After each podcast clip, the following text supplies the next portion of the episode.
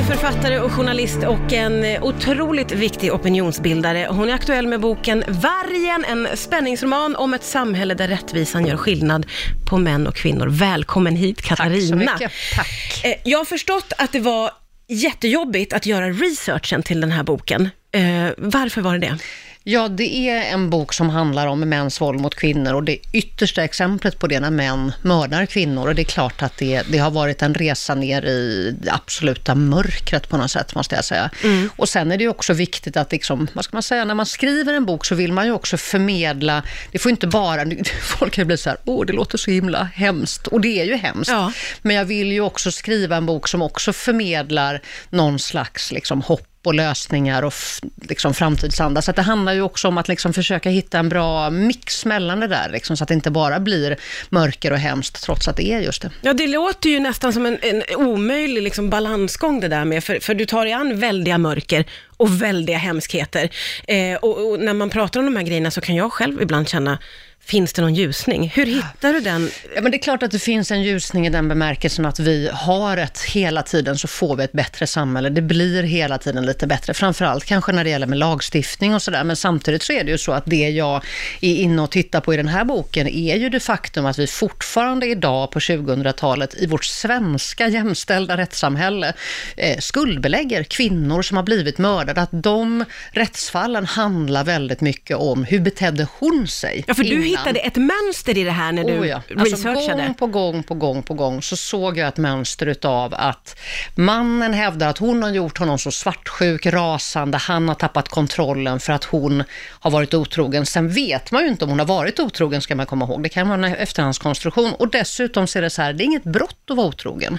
Eh, det kan nästan så här låta som det Ja. ibland på ett fullständigt absurt sätt, men det är ett brott att utöva våld mot en annan människa.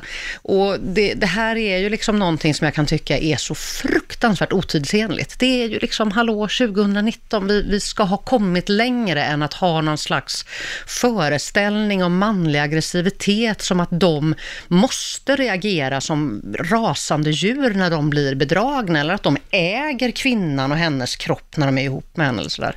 Ja, när du säger det här så känner jag precis samma, att 2019, det här skulle vi ha lämnat bakom oss för länge sedan. Mm. Men hur kommer man till rätta med det? Alltså hur kan man vrida Ja, men jag på tror det? att det är, då tänker jag ju så här, ja då får man skriva böcker om det för att försöka komma till rätta med det, för att det är ju det jag känner. Det, går, nej men det kan ju inte vara så här. Det är Nej. lite så som min tanke är när jag ser det här mönstret. Och där, tack och lov, jag har den här plattformen och jag har möjligheten att skriva och jag når ut och får också debattera när boken kommer ut. Att, och jag tror ju verkligen starkt på liksom debattens kraft. Att för varje gång som vi håller på och faktiskt ältar de här frågorna eller tjatar om det eller vrider och vänder på det, så är det som att det liksom händer någonting också i huvudet på, på oss, att fler och fler känner så här, men det är ju helt absurt. Hur kan man hävda att en kvinna som har blivit mördad får skylla sig själv för att hon enligt hans utsago har varit otrogen, vilket är fullkomligt absurt. Ja, är- jag är så glad att du orkar ta den här debatten om och om igen. Jag gästas av Katarina Wenstam som ju är författare och journalist och aktuell med boken Vargen. Och den här boken blev eh, lite försenad vad jag förstår för att eh, metoo kom emellan. Ja. Eh, och, och hur, eh, vad innebar det för dig? Vad innebar metoo för Ja, dig? men alltså det är ju så, hösten 2016 när allting brakade loss, jag kommer ihåg när jag själv skrev det första metoo-inlägget och, och liksom hur det här drog fram liksom genom samhället och också blev så stort här i Sverige. Det var ju, ska jag helt ärligt säga, på många sätt att jag kände så här, det här är ju liksom det jag har kämpat för i 20 år, att äntligen så lyssnar samhället på kvinnors berättelser om övergrepp och trakasserier. För det är det som jag många gånger har försökt peka på, att en av de svåraste saker för kvinnor som har varit utsatta för övergrepp är att de inte blir lyssnade på. Eh, Det är att de inte blir trodda. Och det som hände med metoo var ju också att liksom mängden vittnesmål gjorde att varje enskild person som vittnade om någonting fick liksom en form av, vad ska vi säga, bärighet eller stöd bakifrån utav alla andra tusentals kvinnor.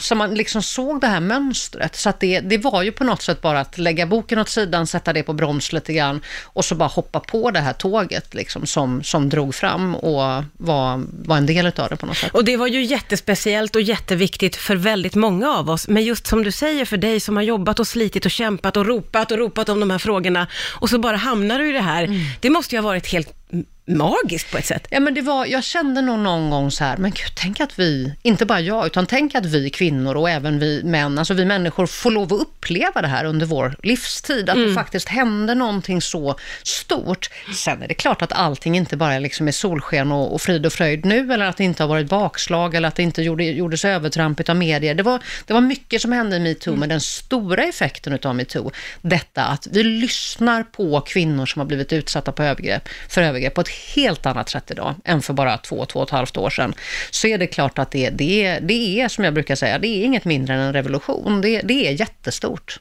Vad tror du att metoo kommer att betyda för dina barn i framtiden? Jag tror att det är just det här att ett av de absolut största hindren är liksom övervunnet i form av, jag märker det själv när jag diskuterar de här frågorna idag, jag behöver liksom inte starta med att förklara det här är ett stort problem i samhället, kvinnor blir utsatta för våld och övergrepp. Det finns liksom ingen som riktigt kan blunda för att det här är ett stort samhällsproblem. Och det, då, är det, då kan man ju liksom börja jobba med steg två, nämligen liksom förändring, när vi åtminstone inte behöver hålla på och tjata om att det existerar. Du har ju eh, skrivit många böcker och du har hållit på länge och du har varit reporter. Eh, du har varit en väldigt stark röst i de här frågorna eh, och idag så är ju du en av våra viktigaste opinionbildare.